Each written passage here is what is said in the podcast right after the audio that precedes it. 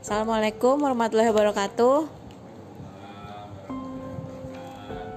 Nggak kerasa sekarang udah puasa hari ke 29 dan terawih terakhir. Yeay.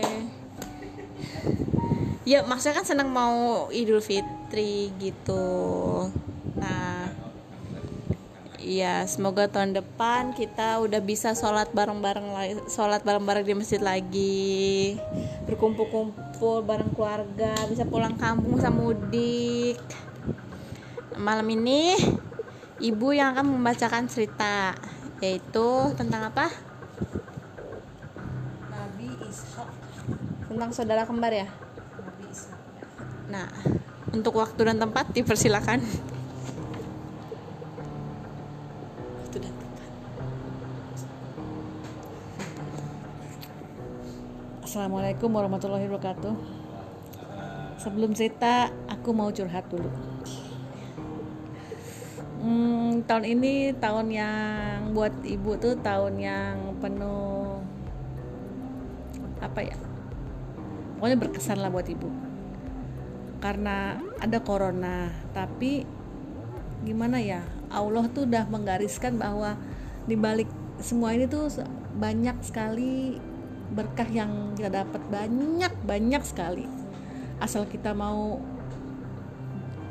menerimanya terus jangan nakal dibilang di rumah aja di rumah aja itu. Jadi kita nggak ada ketambahan musibah harus kena corona. Tapi berkahnya itu satu Laras lulus. Apa pun jalannya Laras lulus ya kan. Dua Aji dikasih istirahat. Memang sekarang ini waktunya mungkin anak-anak atlet itu memang mungkin ini saatnya mereka istirahat mengistirahat badannya. Ketiga yang paling penting baru kali ini seumur hidup saya bisa traweh full di luar yang libur haid ya. Baru kali ini seumur hidup saya seumur hidup saya. Ini baru kali ini bisa full. Itu alhamdulillahirobbilalamin Duh, jadi mau nangis. Tapi ya memang bener ini ibu bahagia banget bisa bisa teraweh full tuh ibu bahagia banget bahagia. Takutnya karena belum pernah dari kecil memang baru kali ini. Itu udah luar biasa. Terima kasih kepada Pak Imam. Suami tercinta Bapak Mustafa. Aji sama Laras yang semangat semangat nggak ada yang males-malesan.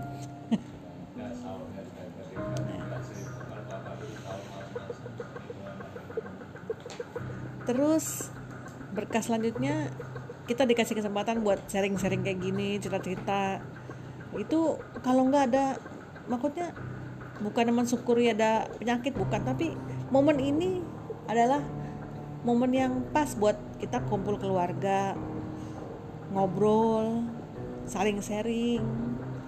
Itu momen yang sangat pas. Jadi kita quality time nya tuh bener-bener uh, apa dapat ya antara lain itu banyak banyak banyak sekali tapi itu antara lain dan itu nggak apa priceless ya. Nggak ada nggak bisa dihargai dengan uang. THR yang berkali-kali lipat. Tapi ini benar-benar priceless buat ibu. Dah. Nanti mewek. Dah sekarang malam ini malam terakhir ya. Semoga tahun depan tahun depan bisa berkualitas kayak gini. Tapi jangan ada penyakit ya jangan ada penyakit tapi tetap bisa berkualitas kayak gini. Tapi seperti tahun depan Laras udah nggak bisa ikut lagi. belum tentu. Hah? ya belum tentu kan Allah kan sejalan dah cerita dulu.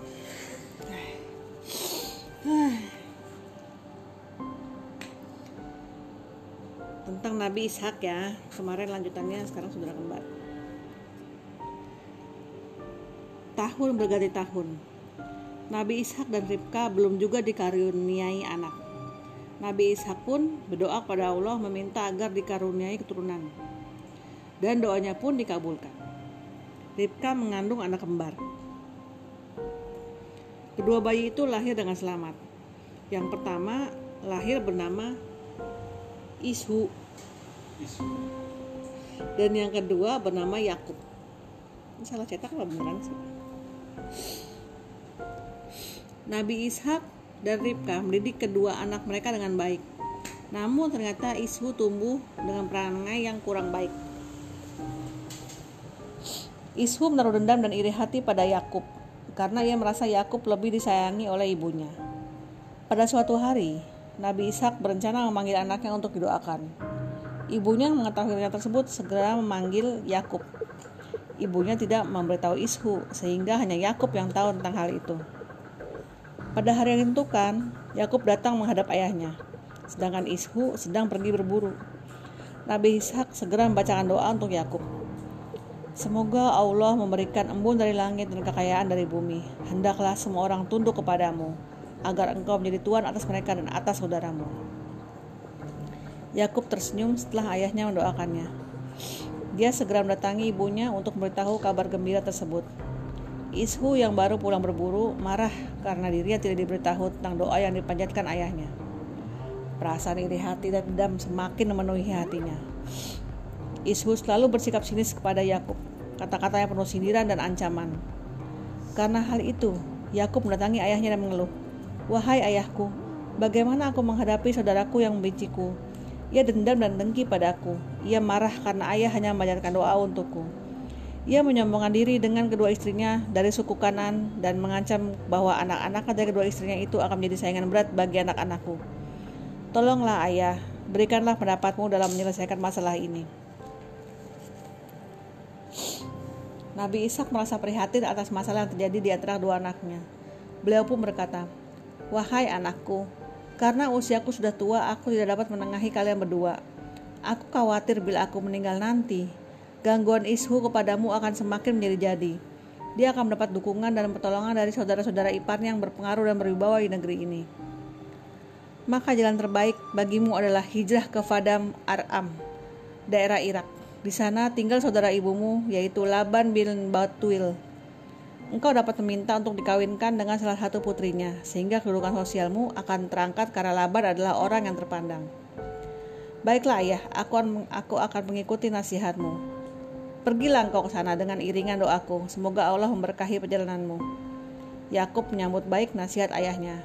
Nasihat itu merupakan jalan keluar terbaik untuk menghindarkan dirinya dari perselisihan dengan Ishu. Dia segera mengemas barang-barangnya dan segera berpamitan kepada ayah serta ibunya. Walaupun dengan berat hati, dia harus meninggalkan kedua orang tua yang sangat dicintainya. Lanjut aja ya. Yakub menempuh jarak yang sangat jauh menuju Padam Aram. Dia harus melewati padang pasir dan gurun yang luas dengan terik matahari yang bakar kulit. Belum lagi di malam hari angin sangat dingin menusuk tulang. Selama dalam perjalanan, sesekali dia beristirahat di tempat yang teduh dan terdapat air untuk minum serta bekal untuk melanjutkan perjalanan. Dia tiba di sebuah tempat yang sangat nyaman. Dia berhenti di bawah sebuah batu yang besar. Kakinya diluruskan agar otot-ototnya yang lelah dapat beristirahat. Angin yang menyejukkan membuat mata terasa berat. Perlahan-lahan dia pun tertidur lelap. Dalam tidurnya, dia bermimpi bahwa dia akan dikaruniai rezeki yang banyak kehidupan yang nyaman, serta anak cucu yang soleh dan berbakti. Kemudian Yakub terbangun dari, dari tidurnya. Dia menoleh ke kiri dan ke kanan. Ternyata dia masih berada di padang pasir yang luas seorang diri. Namun, secara menakjubkan, Yakub merasa rasa letihnya hilang. Dari dalam tubuhnya seakan-akan muncul kekuatan baru yang membuatnya sanggup untuk melanjutkan perjalanan. Yakub pun berjalan lagi dengan semangat dan tenaga yang lebih besar daripada sebelumnya. Akhirnya, dia tiba di pintu gerbang Fadam Aram. Dia masuk ke kota dengan langkah yang mantap. Setelah berjalan masuk ke kota, dia tiba di persimpangan jalan. Dia bertanya kepada salah seorang penduduk tentang letak rumah Laban. Karena Laban seorang yang kaya raya dan terpandang, maka orang itu pun segera menunjukkan arah pada Yakub. Ia menunjuk seorang gadis cantik yang sedang mengembala kambing. Kebetulan sekali, itu dia putri Laban. Dia bisa menunjukkan rumah Laban kepadamu. Nama gadis itu Rahil. Nama? Rahil. Rahel. Rahil. Mungkin kalau gitu Rahel kali ya. Yakub pun menatap gadis yang bernama Rahil tersebut. Ia sangat cantik dan menarik. Yakub berjalan menghampiri Rahil yang sedang mengembalakan kambing. Dengan suara terputus, Yakub memperkenalkan dirinya. Salam, aku Yakub putra Ribka, adik perempuan Laban ayahmu. Rahil tersenyum dengan ramah menyambut Yakub dengan yang tampak kikuk. Senyum Rahil membuat hati Yakub tenang. Kemudian Yakub pun menjelaskan dengan lancar maksud kedatangannya ke Fada Ma'aram. Aku datang kemari karena ayah menyuruhku menyampaikan pesan untuk ayahmu, ucapnya. Baiklah, aku senang bertemu denganmu. Ikutlah denganku, kita akan menemui ayah, ucap Rahil dengan suara lembut. Yakub pun mengikuti Rahil menuju rumahnya. Ketika Laban bertemu dengan Yakub, dia langsung memeluk Yakub. Hatinya sangat bahagia karena dapat bertemu dengan keponakannya. Kemudian Laban segera menyiapkan kamar untuk Yakub. Setelah beberapa hari tinggal di rumah Laban, Yakub menyampaikan pesan ayahnya. Yakub mengatakan bahwa Nabi Ishak sangat ingin berbesan, berbesanan dengan Laban. Pesan tersebut diterima Laban dengan baik. Dia setuju menikahkan Yakub dengan salah satu putrinya dengan syarat sebagai mas kawinnya Yakub harus bekerja di peternakan Laban selama tujuh tahun. Yakub menyanggupi persyaratan Laban. Sejak hari itu dia bekerja dengan giat dan sepenuh hati. Tanpa terasa dia telah melewati waktu waktu tujuh tahun. Tiba waktunya untuk menagih janji kepada Laban. Ketika dia mengungkapkan kembali keinginannya, Laban menawarkan Laia, kakak Rahil, sebagai calon istri Yakub. Namun Yakub mengendaki Rahil karena Yakub sudah tertarik pada Rahil sejak mereka pertama kali bertemu. Love at the first sight. Keinginannya itu diutarakan terus terang pada Laban. Namun, Laban tidak dapat mengizinkan Yakub menikahi Rahil karena menurut adat istiadat, adat istiadat yang berlaku, seorang adik tidak boleh mendahului kakaknya. Sebagai jalan tengah, Laban menawarkan Yakub untuk menerima Laia sebagai istri pertama dan Rahil sebagai istri kedua. Namun Yakub harus kembali bekerja selama tujuh tahun untuk dapat menikahi keduanya. Yakub akhirnya menerima tawaran itu. Dia menikahi Laia dan kembali bekerja selama tujuh tahun. Setelah bekerja tujuh tahun, barulah dia dapat menikahi Rahil. Setelah menikah, Laban menghadiahkan dua orang hamba sahaya untuk kedua putrinya. Dari kedua istrinya tersebut, Yakub dikaruniai 12 anak. Yakub pun hidup makmur seperti yang pernah dia mimpikan ketika tertidur di bawah batu dahulu. 12 anak. Termasuk di antaranya adalah Nabi Yusuf. Iya. Nak Rahil melahirkan dua orang putra yaitu Yusuf dan Benyamin. Benyamin. Ini kayaknya di, di... Yusuf. Iya.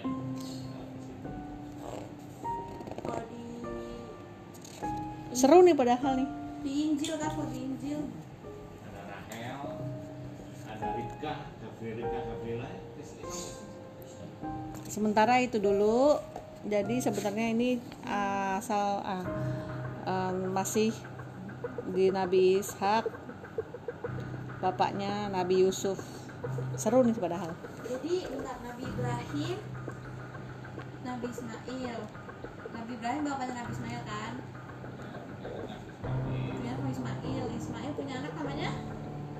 Ishak Ishak nah Ishak punya anak. Nama tadi siapa yang pertama? Kita punya dua. Yusuf sama satu lagi. Eh. Yakub. Ishu sama Yakub. Ishu sama Yakub.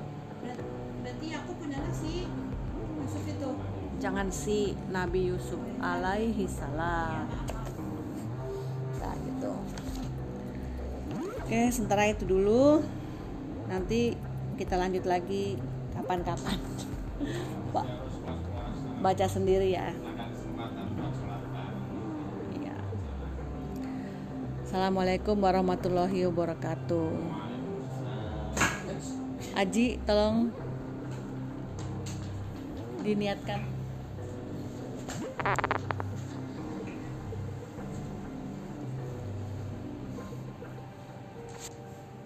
Iya, sebelum kita mengakhiri sholat raweh mari kita sholat raweh di Hah? raweh di 14 eh, ya semoga besok diberikan kesehatan terus. Walaupun tinggal sehari lagi. Kita sampai selesai menjalankan ibadah puasa ini. Amin ya robbal alamin. Niat dimulai Bismillahirrahmanirrahim.